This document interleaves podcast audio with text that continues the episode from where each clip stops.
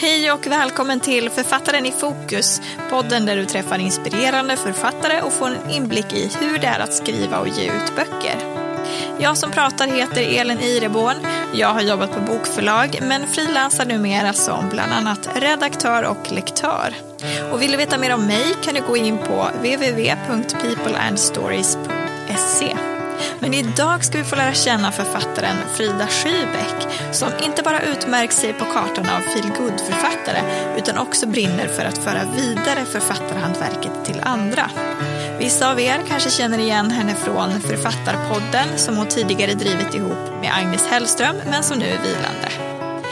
Men i det här avsnittet kommer vi prata om hennes senaste bok, Bokskåpets hemlighet. Vi reder ut vad som gör en bra feelgood-roman, varför feelgood ofta stämplas som kvinnolitteratur och varför den här typen av böcker skulle kunna räknas som terapi. Ja, för dig som gillar feelgood och kanske framförallt till dig som själv vill skriva feelgood kommer det här att vara ett otroligt inspirerande avsnitt kan jag lova. Det här är Författaren i fokus.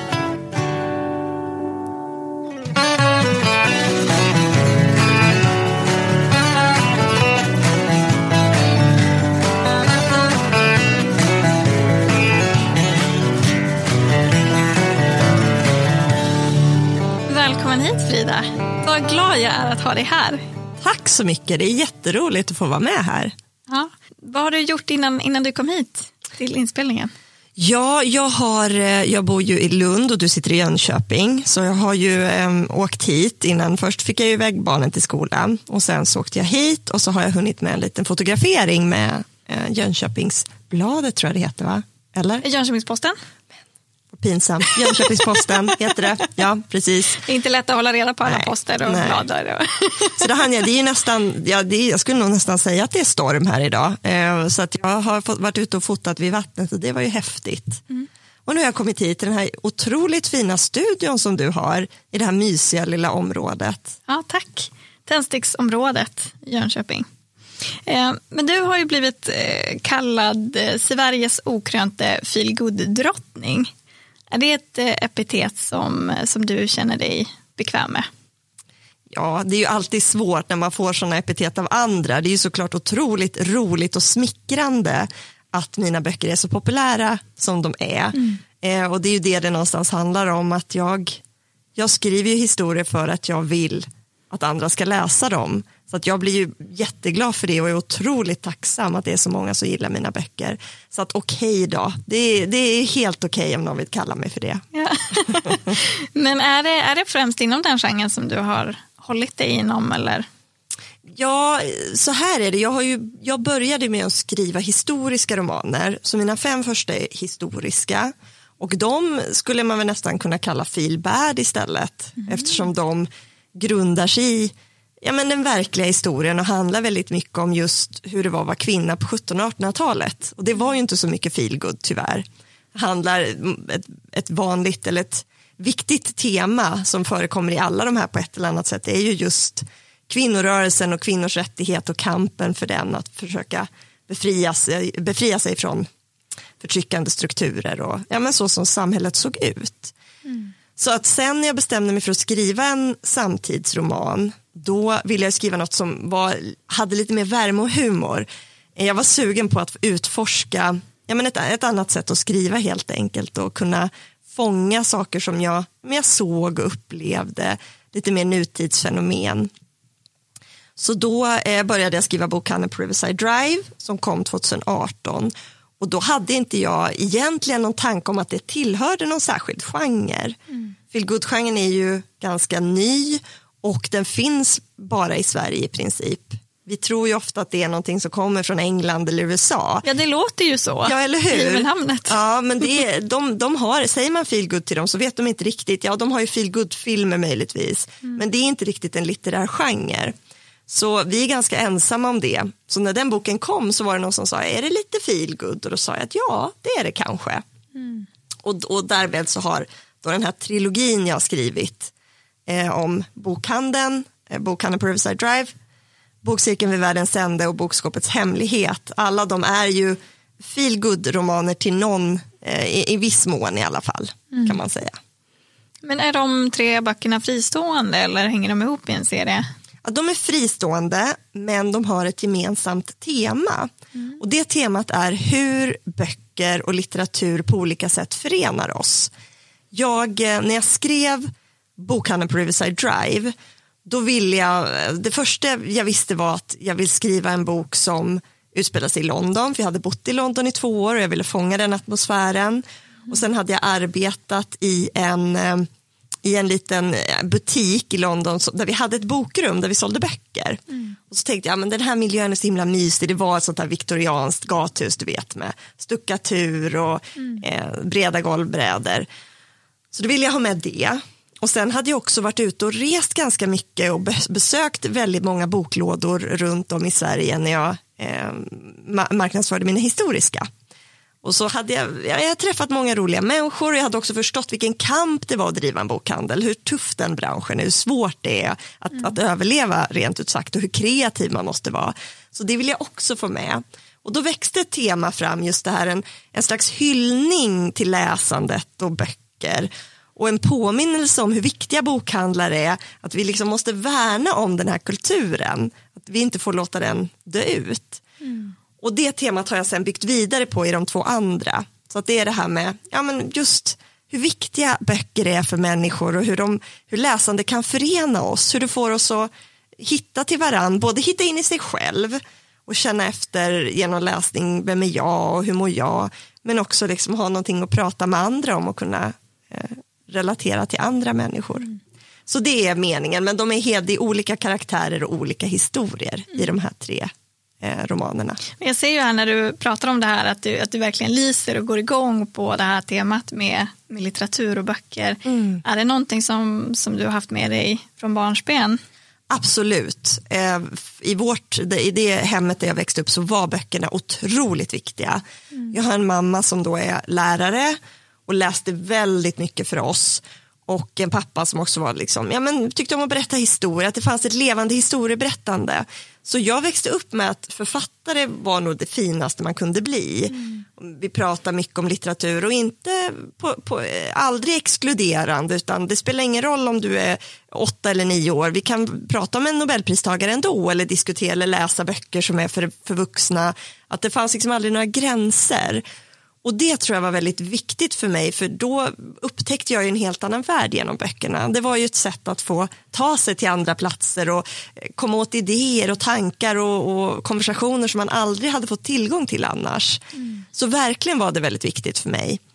Och sen så har jag på ett personligt plan också märkt hur bra jag mår av att läsa. Jag är, är en sån som kan ibland jobba lite för mycket blir lite för stressad och mår dåligt av det och har liksom upptäckt att det här med läsandet är en så, ett så viktigt verktyg för att, ja men just som jag sa innan, känna inåt, alltså slappna av och reflektera och, och fundera över sitt liv och vad man, vad man vill och vad man, vart man är på väg och så. Mm. Och sist men inte minst så är jag ju också utbildad lärare och har jobbat som det och de senaste eh, ja, men det senaste decenniet kan vi säga. Och har ju sett den här revolutionen som har skett där barnen kommer längre och längre från böckerna just på grund av alla digitala verktyg. Mm. Och jag är inte en person som är emot digitala verktyg på något sätt, men jag vill ju värna om läsandet. Jag är jätteorolig att det kommer försvinna, för jag tror att då kommer vi må väldigt mycket sämre som samhälle. Mm. Mm, det, det håller jag med dig om faktiskt. Men hur kom sen eh, skrivandet in i ditt liv? Jo men det kom nog parallellt. Alltså jag började skriva även jag, alltså som, som liten också och tyckte just just det här med historieberättande, det, det var något som fångade mig väldigt tidigt, att jag upptäckte det här med att jag kan få andra människor att känna saker, att det var en sån kick. Mm. Att kunna berätta en historia och få någon annan att tycka att det var spännande eller roligt eller att de ville liksom, de vill veta mer. Eh, så att där jag började skriva och hade det lite som hobby när jag var liten. Jag skrev, eh, när jag var så här fem, sex började jag skriva små böcker. Och så fortsatte jag med, jag med det och skrev och skrev och mina, min snälla familj fick liksom läsa jättemycket. Och eh, i skolan så liksom, det var ju det roligaste om jag hade skrivit något som läraren tyckte var så bra att hon läste det högt för klassen till exempel. Mm. Så skriva, så det gick nog hand i hand för mig, den här fascinationen för berätt, den goda berättelsen. Hur man fångar någon, hur man får, gör någonting spännande för andra och relevant och intressant för andra. Mm. Men där är, jag tänker, många människor vill ju skriva, men man kanske känner sig hindrad eh, på olika sätt mm. av att man inte vågar eller så. Har du någonsin känt så, eh, alltså något slags motstånd mot skrivandet eller har det alltid flitit på? Om du förstår vad jag menar. Jag, jag förstår precis vad du menar. Ehm, jag tror att eh, jag har nog inget hinder så. Ehm, det, hinder, det största hindret jag upplevt är nog förmodligen när jag blev eh, vuxen, alltså när jag gick ut gymnasiet och hade den här drömmen om att jag skulle vilja bli författare eller jag skulle vilja jobba med att skriva på något sätt. Men jag visste inte hur. Jag visste inte hur jag skulle ta steget in i den världen.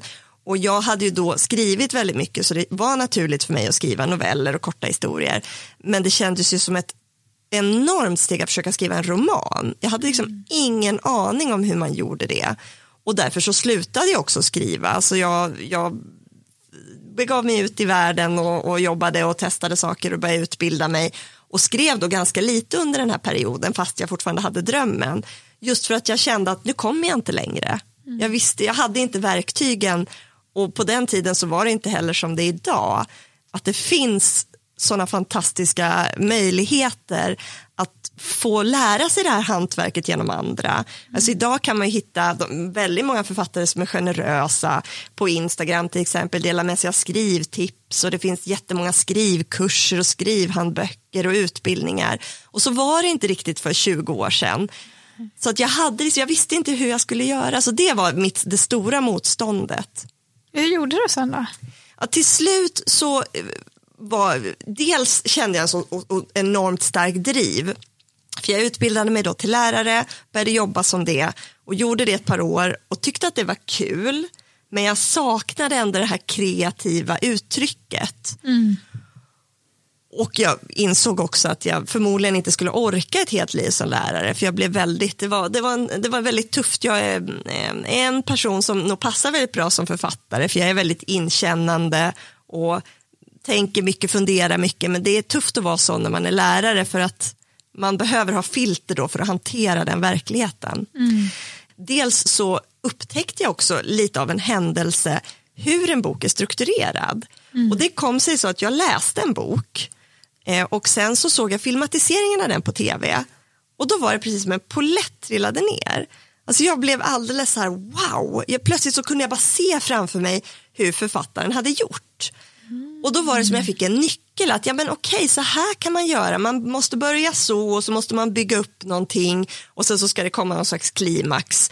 Och då hade jag aldrig hört talas om en dramaturgisk kurva eller hur, mm. alltså det, allting kändes ju så här omöjligt och nästan ja, men lite så mystiskt. Mm, mm, det är som magi nästan, svartkonst. Ja, ja. Ehm, så, att det, så det blev en, en, en riktig så ögonöppnare för mig. Mm. Och då, det var efter det som jag tänkte nu, nu kör jag, nu testar jag. Jag måste våga nu när jag liksom upptäckte det här. Och då testade jag att skriva ett första manus. Mm. Och hur var det? Var... Det var ju fantastiskt roligt. Ja. Alltså jag jobbade ju livet ur mig, för jag jobbade ju heltid då. Och så satte jag mig varje, jag kom fram till att okej, okay, på kvällarna så sitter jag ofta och tittar på tv två timmar. Mm. De timmarna ska jag lägga på att skriva istället. Och så gjorde jag det varje kväll och sen så satt jag varje helg. Och då fick jag ihop på, på något år ett manus mm. och fick en sån kick av det att det faktiskt blev en historia, att jag kunde, att jag kunde få ihop alla de här trådarna och liksom bygga upp någonting. Mm. Så det var ju otroligt roligt, det var bara en sån glädje. Är det ett manus som har blivit utgiven sen? Nej, så här var det att jag skickade det till tre stora förlag och det här var på den tiden då man var tvungen att skicka pappersmanus. Ja. Ehm, och då, fick jag, då ringde ett av förlagen till mig och sa vi älskar den här boken, vi är jätteintresserade av att ge ut den. Och jag kunde inte tro att det var sant att det hade gått så lätt. Wow. Så då jobbade jag om det med dem och jag fick liksom redaktörskommentarer och så skrev jag om det här manuset för de ville att huvudkaraktären skulle bli lite äldre till exempel. De hade liksom mm. lite sådana grejer. Eh, och sen skickade jag in det igen och då ringde förläggaren mig efter två dagar och sa jag älskar det här, det här är så bra. Så jag tänkte att wow, det, nu händer det liksom. Mm. Eh, och sen hörde hon av sig efter, hon sa vi ska ta upp det på manusmöte i manusgruppen och så hör jag av mig. Och så ringde hon en vecka senare och sa, vi har tyvärr kommit fram till att det här konkurrerar för mycket med en annan författare som vi redan har. Ja. Och det var ju bara så här, som en svart gardin drogs för liksom. Ehm, för efter det, då, då försökte jag kontakta andra förlag men jag fick ju aldrig några svar från någon. Mm. För att så ser ju branschen ut, det är så svårt att ta sig in. Så tyvärr så blev det ingenting med den boken. Mm. Nu i efterhand har jag ju fått flera förlag som har sagt vi ger ut dem, bara ge dem till oss, vi ger ut dem. Mm. Eh, för det är ju då två manus för det ena, ja, jag har utvecklat det så att det är liksom som två manus. Eh, men ja, nu, har jag, nu håller jag lite på dem, vi får se om de kanske kommer i framtiden, det vet man aldrig. Men det känns ju också konstigt på ett sätt eftersom jag skrev dem för sådär 12 år sedan. Att det är ju en annan person som har skrivit dem, det är ju inte jag mm, som, som är jag idag. Så vi, jag har ingen aning om hur det skulle kännas om de kom ut. Nej men precis, för du har ju utvecklats säkert otroligt mycket ja, sen du skrev. Jag hoppas det i alla fall. ja. ja men också förändras man och eh, värderingar och tankar och hur man ser på världen och sådär. Ja. Mm. Nej men för det är ju precis som du säger där med, med bokutgivning att eh, oavsett, alltså nu älskade förlaget din bok mm. eh, men ändå så ja. fanns det andra parametrar att ta hänsyn till ja. som gjorde att de valde att tacka nej mm. den gången. Ja. Men det kanske de ångrar idag. Jag hoppas det. jo men så tänker jag så här också, att det, jag tror att många tror att skriver du bara en bra bok då blir du utgiven. Mm. Men så enkelt är det ju inte. För mm. förläggarna gör ju alltid en subjektiv bedömning och det handlar om hur de, alltså deras personliga eh, preferenser och smak och vad de har läst tidigare det här året och ja, om det är något de är trötta på, någon genre mm. eller något de känner att åh, det här hade vi behövt mer av. Det är så många saker som man inte kan styra över. Mm. Och det här såklart att man kan, man ska ju passa in i förlagets utgivning men man får inte konkurrera för mycket med andra författare. Mm. Det är ju väldigt svårt att anpassa sig efter det och det kan man ju inte heller göra. Det enda man kan göra egentligen är ju att skriva en historia som man verkligen brinner för. Mm. Det tror jag är viktigt. Men, men som sagt, många tror nog att skriver du en bra historia så blir den utgiven. Mm. Och tittar man då på ja, men många otroliga succéer som du vet Harry Potter, Twilight-serien, Män som hatar kvinnor, alltså alla de här har ju blivit refuserade. Mm. Så det, det, det, måste man ha med sig att det är en väldigt osäker bransch. Och försöka ta sig in i och det tar tid. Mm, det kan ju vara en väldigt lång uppförsbacke som du ja. säger där. Många refuseringar innan man slår igenom. Ja, precis. Men hur, hur var det sen då när, när din första bok blev antagen? Det var ju underbart, alltså jag var ju så glad eh, och då var det så att de tipsade mig om, för de här två första manusen, eller ja, det jag jobbade om, det var en deckare. Mm. Och då sa de, kan du skriva något annat? För vi är så trötta på bara att få deckarmanus. Och då tänkte jag, okej, okay, jag är historielärare, jag är jätteintresserad av historia och dessutom hade den här deckaren en parallellhistoria som utspelade sig i förflutas och de sa att det där var så otroligt bra. Så tänkte jag, men okej, jag testar att skriva en historisk roman mm. och gjorde det och skickade in den. Och då var det ett förlag som var väldigt snabba, hörde av sig direkt och sa vi gillar det, vi är ute på en gång. Och så då tackade jag ja till det, då var jag liksom bara ja, så mm. otroligt glad att jag hade mm. kommit över den där första tröskeln. Mm. Underbart. Och sen så har du skrivit eh, ett antal böcker eh, sen dess. Mm. Men eh, eh, hur, hur skulle du beskriva feelgood-genren? Vad, vad är det som gör en, en bra feelgood? Jag tänker så här, eftersom det här är en väldigt ny genre och den är inte egentligen så där jättetydlig så tror jag att det finns lika många definitioner av vad feelgood är som det finns feelgood-läsare. Mm. Alltså jag tror att det betyder olika saker för olika människor. För mig så är en feelgood-roman en typ av utvecklingsroman där man alltid följer en person som går från att det börjar ju väldigt ofta med att någon befinner sig i en jobbig situation. Mm. Alltså att de är med om den här typen av svåra händelser som alla människor förmodligen kommer uppleva någon gång i livet. Så det är inget sådär, åh det har landat en utomjording i min trädgård eller jag är jagad av en seriemördare. Utan det är liksom så faktiska problem som vi människor möter. Till exempel mm. att man förlorar den man älskar, att man inte får jobba kvar, vara kvar på sitt jobb, eh, att det händer något med ens hus. Alltså, sådär, att man går igenom en svår skilsmässa, sådana här riktiga vanliga problem och situationer.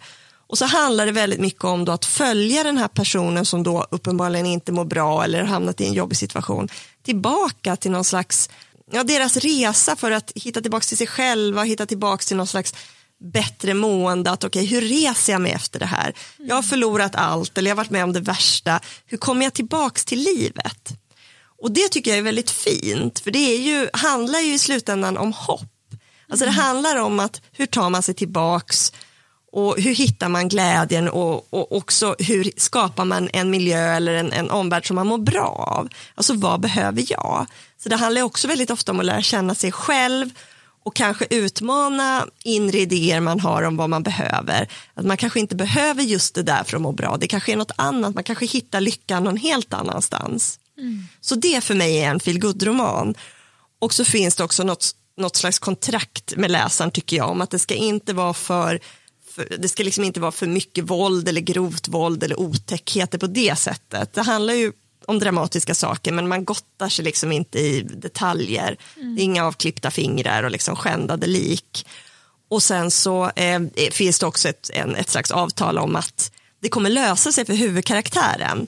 Det kanske inte blir en, ett klassiskt lyckligt slut men det kommer, de kommer få vad de förtjänar. Man kommer liksom känna sig tillfreds som läsare med att det löste sig på ett eller annat sätt. Mm. Ja, det märks att du har analyserat. Ja. jo, men det är, ju, det är ju verkligen så när det är en så luddig genre att det är ja. bra att ha någon slags riktning själv. Vad betyder det här för mig när jag skriver? Mm. Ja, men jag håller med dig jag, jag tycker just det där som du beskriver som det, här, det inspirerande i en feelgood är ganska central. Mm. Det har man ju inte i, i exempelvis deckare på samma sätt. Eh, men när man har läst en feelgood så kan man ju verkligen känna att ah, men shit, jag borde bryta upp med den där snubben eller jag borde säga upp mig från jobbet för att jag känner igen mig och, och, och, ser, liksom, identifierar sig med huvudkaraktären och kan se att jag kanske också kan nå det välmåendet som jag ser att huvudkaraktären gör. Så det, det, är ju en väldigt, eh, det känns som ett väldigt betydelsefullt sätt säkert för dig som författare ja. att få hjälpa människor. Ja, jag tänker att det är lite som terapi faktiskt. Ja. Och forskning visar ju också att vi påverkas väldigt mycket av det vi läser. Att läser vi om en person till exempel som överkommer ett hinder, mm. då byggs vårt självförtroende upp av det. För då kan inte hjärnan riktigt skilja på om det är du som har kom, överkommit det här hindret eller någon du läst om. Gud vad intressant. Jätteintressant. så att man mår, det är liksom bevisat att du mår bättre av att läsa den här typen av litteratur. Och som du säger det här, ja men man kanske vill träna sig. Hur hade det varit att säga upp mig från det där jobbet och starta det där företaget jag alltid drömt om. Mm. Eller liksom köpa det där huset på landet och rusta upp det eller vad det nu kan vara. Att det är ett sätt liksom att, ja, men att jobba med sina egna inre bilder och hitta fram till sina egna mål och drömmar. Mm. Men ofta så är det ju kvinnliga huvudkaraktärer också i feelgood-romaner. Mm. Är, är det en genre som framförallt tilltalar kvinnor tror du? Jag tror det. Eh, jag märker ju att eh, majoriteten av alla som skriver är kvinnor och majoriteten av läsarna är kvinnor. Och det tänker jag både på gott och ont. Jag är otroligt glad att det är så många kvinnor som gillar mina böcker. Eh, men jag kan också bli lite ledsen över att det verkar påverka statusen ganska mycket på genrer. Och det kan vi se om vi tittar tillbaka på andra genrer också, att böcker som då ofta handlar om kvinnor har ju lite lägre status, värderas inte mm. riktigt lika högt. Så det tycker jag är otroligt tråkigt. Och min, min mission har ju någonstans varit att visa att den här genren kan vara väldigt välskriven. Det är, en, det är god, liksom finns precis som inom alla genrer så finns det olika nivåer såklart. Men att det finns jättemånga böcker som är välskrivna, välberättade, liksom där det är och riktig gestaltning och karaktärsutveckling och där man verkligen får någonting utöver bara läsupplevelsen med mm. sig. Så det, det, det, är viktigt och det är ju tråkigt att det är så. Men jag hoppas ju verkligen att vi kan, att vi kan, att vi kan komma framåt. Mm. Och jag tror att en anledning till att den här genren handlar mycket om kvinnor, eller för mig var i alla fall det en drivkraft när jag började skriva, att jag upplevde att det var så sällan jag läste en bok där jag kände igen mig i huvudkaraktären. Mm. För det första var huvudkaraktärerna nästan alltid män. Mm. Nu pratar jag om 15-20 år tillbaka när jag liksom funderade mycket över att börja skriva. Det var, om man läser liksom böckerna på topplistan, då var det nästan alltid manliga huvudkaraktärer och var det med kvinnor så var de ofta ganska platta. Och jag, jag tycker att det är aldrig någon som är som jag. Antingen är jag väldigt, väldigt udda eh, eller så, så är författarna dåliga på att fånga upp att det finns olika typer av människor. Mm. Så det har ju varit en mission med mina böcker att försöka gestalta väldigt många olika typer av människor. Eh, olika åldrar, olika etnicitet, olika religion, olika sexualitet, olika socioekonomisk status. Att verkligen försöka ge bredd och också att försöka bredda kvin, den, liksom den här klassiska kvinnorollen, att inte, kvinnor inte bara måste vara på ett sätt utan att de kan få vara på väldigt många olika sätt. Att de får gärna vara liksom skurkar och, och, och bete sig illa och, och göra fula saker och, och ljuga och eh, stjäla och så är det ju inte med alla mina, men, men du förstår vad jag menar, mm, att liksom mm. försöka bredda det här och också visa, försöka ha karaktärer som är komplexa och har eh, mångfacetterade, att de har många mm. olika sidor, att de inte bara är den snälla grannen eller den bästa vännen, utan att ge dem liksom djup.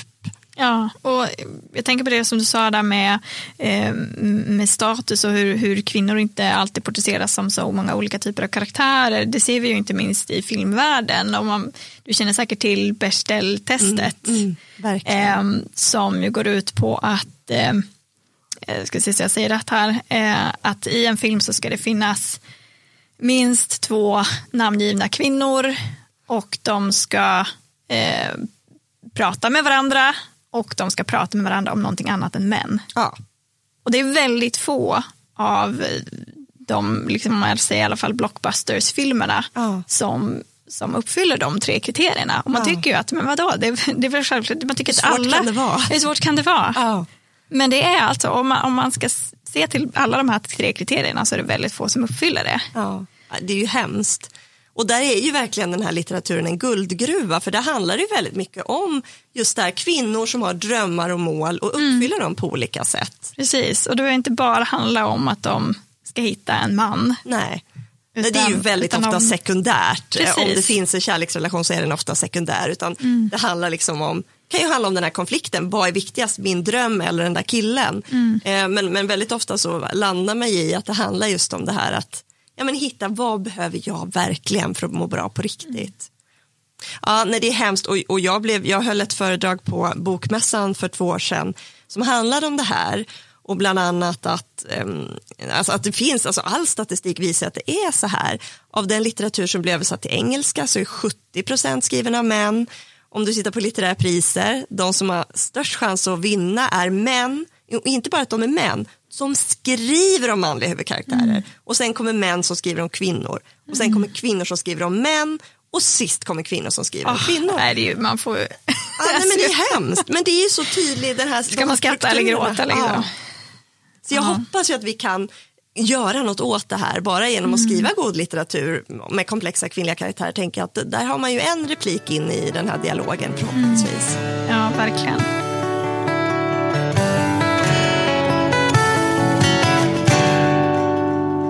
Och du har ju i alla fall lyckats väldigt bra inom feelgood-genren och jag tänkte vi ska prata lite om din senaste bok, Bokskåpets hemlighet, som är utgiven på Louise Bäckelin förlag. Hur skulle du beskriva den? Eh, vad, vad handlar den om? Ja, den handlar om Rebecka som eh, eh, hon eh, är på en plats i livet där hon står inför en, eh, en rad olika val när det gäller sin karriär, när det gäller sin relation och sen så har hon en, eh, hon har haft en ganska jobbig uppväxt. Hon har vuxit upp i Skåne och hon har haft mycket kontakt med sin mormor. Eh, hennes mormor har varit hennes fasta punkt i livet, mormor Anna. Och hon har vuxit upp då delvis hos sin mamma men de har bråkat otroligt mycket. Så, eh, så hon har en jättedålig relation till sin mamma. Och så har hon flyttat till Stockholm. Men när boken tar sin början så får hon då veta att mormor Anna har eh, ramlat och gjort sig illa och hamnat på sjukhus. Och då blir Rebecka orolig såklart så hon bestämmer sig för att åka hem och hälsa på mormor. Och i samband med det så hon kommer då hem till mormors lilla stuga och ser att den är jättenedgången och skäms då otroligt mycket för att mormor bor liksom i sån misär och att hon inte har varit, kunnat komma hem och hjälpa henne någonting för hon har varit så fokuserad på sin karriär.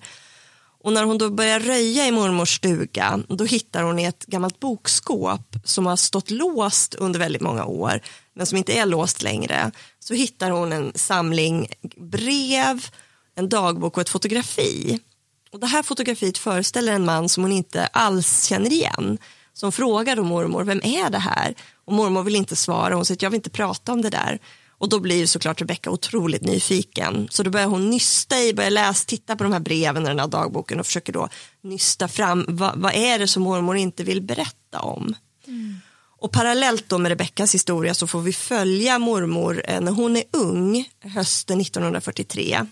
Och då har hon precis, eh, hon, hon, hennes familj har ett sommarhus i Skåne, eller en, en sommarherrgård skulle man väl kunna säga, de är väldigt välbeställda.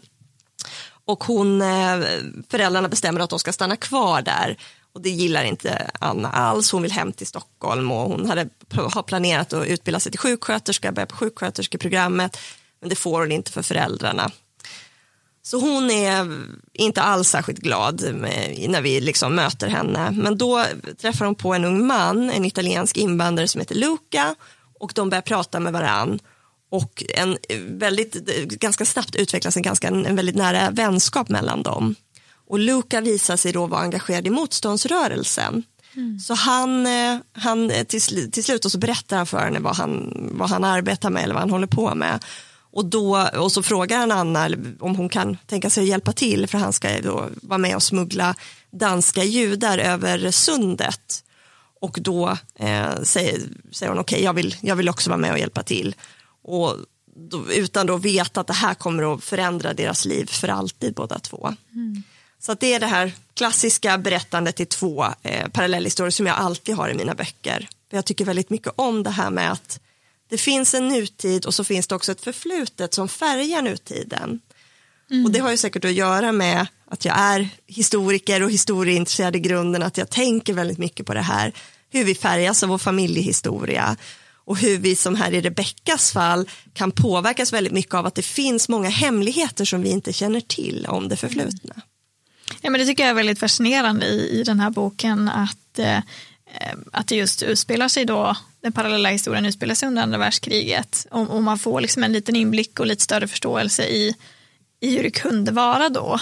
Eh, för, för den här eh, som, som Luca gör när han hjälper folk att, judar då, att fly eh, till Sverige. Det är ju många som har varit med om det. Mm. Även om det kanske inte såg ut på exakt samma sätt så, så ändå närliggande. Mm. Eh, och du har ju mycket det i dina böcker, just det, eh, det historiska perspektivet, precis som du säger. Eh, men hur, hur gör du när du ska göra research? Hur, hur mycket tycker du ska stämma för att det ska kännas bra för dig och så vidare? Alltså för mig är det otroligt viktigt att det stämmer överens i väldigt stor utsträckning. Mm. Eh, och jag lägger ju ofta många månader på research. I det här fallet la jag nog tre månader på att göra research innan jag började skriva. Mm. Och det är ju ofta i de, de där historierna som mina böcker tar sin början.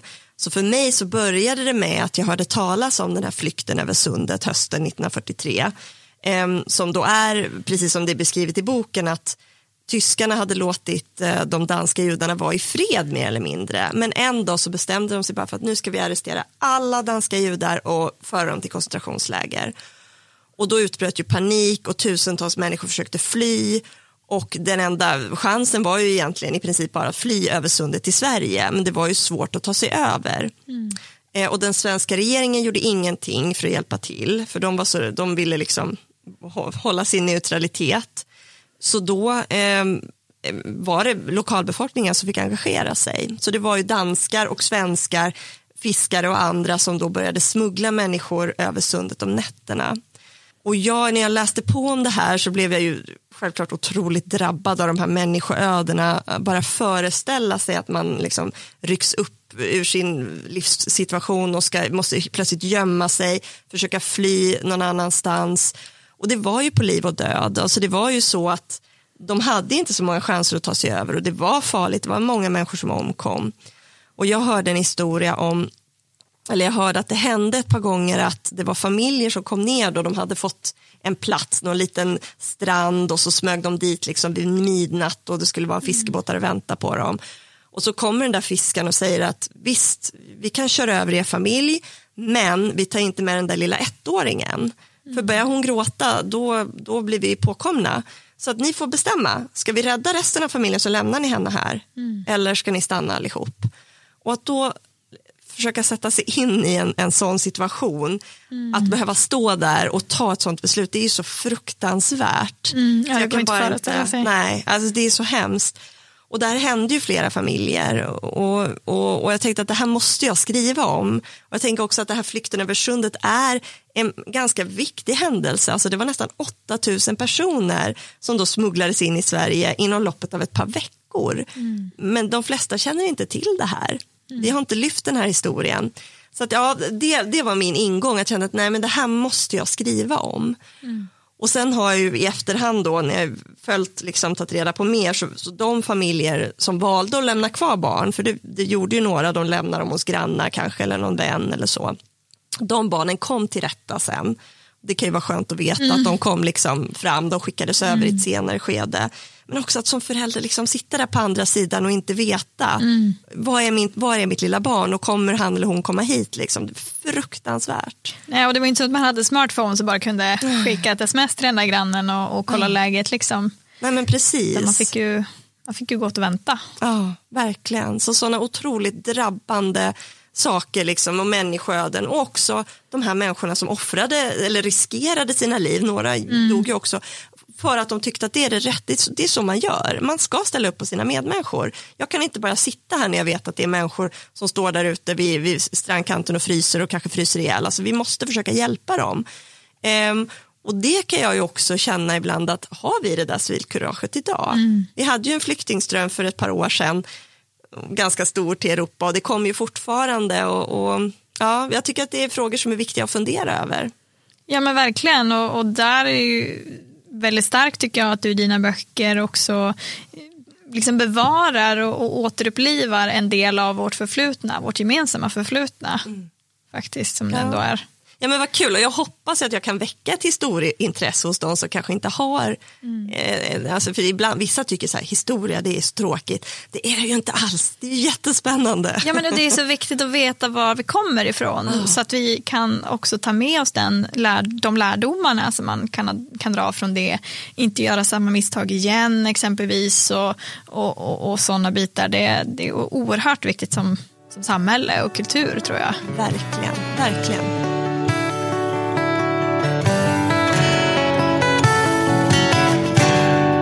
När du ska sätta dig ner och, och skriva på en ny bok, eh, är det sådana här trådar då som du fångar upp och, och så mm. börjar du nysta i det? Ja, och ofta är det ju någon, liksom, någon grundläggande tanke som, som sätter igång alltihop. Eh, mm. Att det är någon Ja, men det kan vara en känsla, det kan vara att hur känns det att vara en person som är med om det här, att bli utsatt på det här.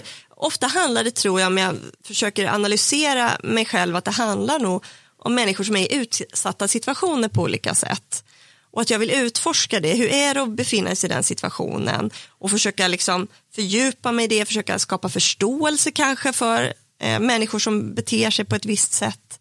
Mm. Det tycker jag är väldigt spännande att, ja, men att gräva i vad, vad det är att vara människa. Mm. Och jag tänker också att alltså de flesta som skriver hämtar väl väldigt mycket från sig själva. Och det gör ju jag också, jag gräver ju i men upplevelser, en känsla av utanförskap till exempel. Hur kan man använda det? Vad har jag själv varit med om? Hur kan man få andra människor att se, se det, liksom vända på perspektivet om de är i en viss situation, att förstå den andra sidan. Att det någonstans, någonstans är en drivkraft för mig. Mm. Ja. Um, skriver du på, på heltid? Ja, det gör jag. Mm. Mm, det har jag gjort i två och ett halvt år ungefär. Och det är ju en ynnest verkligen, alltså det är fantastiskt roligt. Jag jobbade ju eh, ett par år och jobbade parallellt som lärare eh, på deltid och skrev på deltid. Samtidigt då som jag hade två små barn och det var en utmaning skulle man kunna säga. Mm. Det var väldigt tufft. Så det känns ju väldigt roligt nu att jag har kommit till en punkt där jag kan ägna mig helhjärtat åt skrivandet. För jag tror också att, jag märker också att det ger mina böcker någonting extra att kunna ja. lägga liksom ah, hela sig själv i dem. Um, ja, så det, det är jag väldigt glad för att jag har, får möjligheten att göra. Mm. Mm. Precis, för ibland brukar jag tänka det, men vad, vad är lite hönan och ägget eh, scenario, liksom, om jag skulle bara säga upp mig och bara skriva en bok, det är kanske det jag skulle liksom, som det skulle löna sig att göra så att säga. Oh. Eller ska man börja med att skriva den tid man kan eh, och, och liksom jobba jag, de, slita de här åren. Ja. Jag tror tyvärr att det är så otroligt svårt att försörja sig. Så ja. är du stenrik är det ju inga problem att säga upp sig och bara börja skriva. Då, då rekommenderar jag det alla ja. gånger. Men är du inte stenrik så är det nog smart att behålla ditt jobb mm. och komma igång med skrivandet. För, för det är ju också det här, jag tror att ponera att man skulle göra som du säger, att man bara åh jag vill skriva en bok och så säger man upp sig och så sätter man sig där framför datorn. Alltså man kan nog bli rätt stressad av den situationen också. För det är ju som sagt inte så lätt. Nej. Man behöver en mängd verktyg, man behöver lära sig det här hantverket och eh, det tar tid. Mm. Så jag tror att det smartaste är nog att liksom långsamt ta sig in i den här branschen och ta det steg för steg och, och öka. Och går det då bra, har du böcker som säljer så kan du börja liksom trappa ner på jobbet. Mm. Och du har ju väldigt mycket erfarenhet av just det här med verktyg som du pratar om. Eh, du har ju bland annat drivit eh, Författarpodden tidigare och eh, så håller du också skrivkurser. Vill du berätta lite mer om det? Absolut. Alltså jag, som jag sa i början så hade jag ju den här känslan av att jag vill så gärna skriva men jag vet inte hur. Och när jag sen väl fick mitt genombrott och kom ut med mina första böcker då eh, insåg jag hur många det är som har den här drömmen. Det är ju väldigt många i Sverige som är duktiga på att skriva och som drömmer om att skriva. Det finns ju en SIFO-undersökning som är ett par, har ett par år på nacken nu men då var författarskap det tredje mest eftertraktade yrket. Mm. Och då är det så här, okej, okay, det här är många som drömmer om, men hur tar man sig dit? Så Författarpodden startade jag tillsammans med Agnes Hellström just för att vi var båda ganska nya i branschen och kände att det är en så svår plats att ta sig in på. Alltså det är så mycket man inte vet. Mm. Förlagsbranschen är lite hemlig och de vill inte säga, och de, de vill inte säga hur, alltså hur får man ett bokkontrakt, vad ska man tänka på, hur, tjänar man, liksom hur mycket pengar kan man tjäna, vad behöver man för att försörja sig, hur ska man tänka när man strukturerar en bok? Finns det vissa saker man ska göra och andra saker man ska undvika? Alltså, det är så mycket information som man vill ha som nybörjare då, mm. eller aspirerande författare som är så svår att få tag på. Så vi bestämde oss då för att starta den här podden och bara vara helt öppna med alla våra erfarenheter och allt, både liksom det som är bra som har hänt men också de jobbiga sakerna och de svåra sakerna. För jag har ju märkt att eller min teori är att eftersom konkurrensen är så hård i Sverige, för det är den tyvärr, den är stenhård. Det är jättemånga som är duktiga på att skriva och det finns, alltså, det, man, kan, alltså man måste sälja böcker för att överleva. Mm. Så eh, tror jag att många författare gärna vill lyfta fram sina framgångar men samtidigt liksom inte säg, prata om sina motgångar. Och då får man en bild av att alla andra lyckas och det går jättelätt och man får ett bokkontrakt bara sådär mm. och så bara flyter det på och man bara säljer mer och mer och det går bättre och bättre hela tiden. Och, och, så, och, då är det, och jämför man sig det då så är det ju lätt att känna sig väldigt misslyckad. Så vi vill ju verkligen lyfta att nej men, i princip alla författare blir refuserade, man får nej, förlag säger att det här håller inte ibland mm. måste du byta förlag för samarbetet funkar inte. Alltså, det finns mängder av problem men ingen som vill tala om dem mm. utan alla vill bara lyfta hur bra det går hela tiden. Så det var ju en viktig sak med Författarpodden att vi ville vara ärliga. Och sen nu eftersom det då, eh, jag har sett att det finns ett så stort behov av det här med att lära sig mer om skrivande så har jag tillsammans med en norsk skrivskola som heter EasyWrite, som är en digital skrivskola, startat en skrivkurs på nätet. Mm. Och det har varit så roligt. Alltså jag märker ju att jag har saknat att få gå in i lärarrollen. Ja, just det. det har varit fantastiskt kul att få sätta ihop de här två världarna. Att allting liksom verkligen fundera på, okej okay, vad har jag lärt mig om att vara författare? Vad har jag lärt mig om skrivprocessen, om hantverket? Och få verkligen liksom, eh, vad ska man säga, vattna ner det till konkreta saker som jag kan ge till andra. Mm. Jag vill ju jättegärna hjälpa andra som står inför den här, eller har den här brinnande längtan som jag hade. Det hade ju betytt otroligt mycket för mig om någon hade hjälpt mig när jag var där. Mm. Så det känns jättekul att kunna hjälpa andra. Eh, så vi har faktiskt nu i höst dragit igång den här skrivkursen och det har ju gått väldigt bra och varit så kul för den är digital så man kan vara med oavsett var man sitter i landet. Ehm, mm. Coronasäkert. Så att, ja, nej, en, det har varit en sån kick för mig att få titta på författarskapet utifrån och liksom fundera på skrivande och teoretisera kring det. Det där är jättehärligt, för det är precis som du säger, både förlagsbranschen kan vara ganska stängd eh, och även författare upplever jag inte alltid vill dela med sig, för man kanske är lite rädd för konkurrens och, och så vidare. Så jag tycker det är helt underbart att du vill öppna de här dörrarna och faktiskt inspirera andra till att skriva och hjälpa andra att utvecklas i skrivandet. kul. Ja, ja. nej, men det känns väldigt roligt att kunna ge tillbaks. Liksom. Ja, men och det, är, det är lite det som, som jag känner också just med förlagsbranschen. Eh, när jag var 16 så bestämde jag mig för att jag skulle jobba på bokförlag. Och det var egentligen bara för, på grund av den här mystiken som du pratar om. Men, men hur, hur gör man? Hur går det till? Alltså både med berättelse, struktur och karaktär och allt det. det som du sa innan, svart magi. Ja, att ja. en bok ens blir till, eh, själva texten, men sen också allt det andra i processerna runt omkring. Ja. Just för att det, det är så långt, alltså, det, det är det som är någonstans härligt med, med bokbranschen, att alla har en relation till böcker. Alla har läst, alla använder böcker och litteratur i skolan. Eh, men ingen vet hur böcker blir till. Nej. Typ. Eller en väldigt liten skara som, som liksom styr vad som kommer ut. Ja. Sen så har ju makten har ju förskjutits lite nu då med egenutgivning har blivit vanligare Mm. och så vidare. Men eh, jag tycker det, tycker det är så härligt Ja. att, du, att du verkligen har den passionen. Ja. Ja. Nej, men det känns, jag, jag är bara så glad att det är och, och att så många är så nyfikna också på den här branschen, att de tycker att det är kul att få lära sig och att de vill utvecklas. Och det tänker jag är någonting man måste också komma till insikt om om man vill skriva, att man måste vara beredd på att få feedback och man måste liksom, man måste hela tiden växa och utvecklas. Och det tror jag är otroligt viktigt. Vi ser ju att det finns författarskap som spänner över decennier och det är ju så häftigt. Jag hoppas ju att jag fortfarande skriver när jag är 70, 80, 90 kanske till och med och att jag fortfarande tycker det är kul men att det också känns som att ja, men det är någonting nytt. Alltså, jag, jag kan utmana mig själv och som jag har gjort och byt, byta genre och nu den boken jag jobbar på nu är också en annan genre. Alltså att jag, ja, men att det finns möjligheter att utvecklas på olika sätt. Eh, och vad, vad spännande nu, säger en annan genre. Mm. Är det alltså inte feelgood? Nej, det är inte.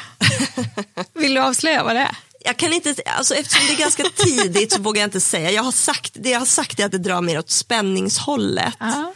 Em, och läser man då mina feelgood-romaner så kan man ju se att det finns väldigt mycket spänning där. Det handlar ju ofta om människor som har försvunnit eller som har omkommit eller sådär och hur det påverkar. Så att det är ja, lite mer åt spänningshållet och lite mer mm, Alltså jag ska inte säga nutida för de andra är ju också nutida men ja, nej, det är någonting lite annorlunda. Men jag tror ändå det är fortfarande det här berättandet ur flera perspektiv och tillbakablickar. Eh, så jag tror att mina läsare kommer nog känna igen sig.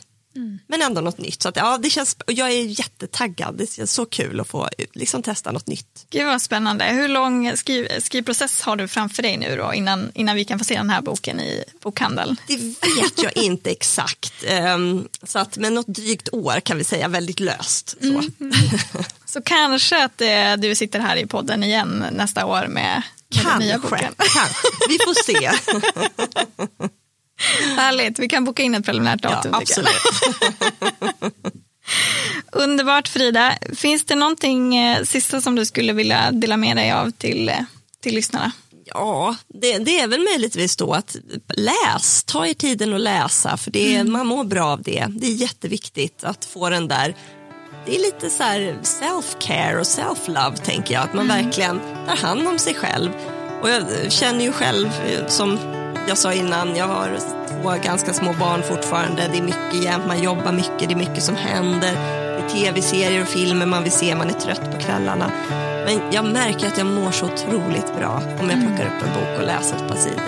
Så att, ja, jag rekommenderar alla det. Läs, då kommer ni må bättre. Och jag instämmer med det och tackar så mycket för att du kom hit Frida. Tack så mycket. Stort tack till dig som har lyssnat. Jag hoppas att du blev inspirerad att sätta dig ner och skriva. Jag heter som sagt Elin Ireborn och mig hittar du på Instagramkontot Forfattaren i fokus och på www.peopleandstories.se. Ta nu hand om dig och ha en riktigt fin dag.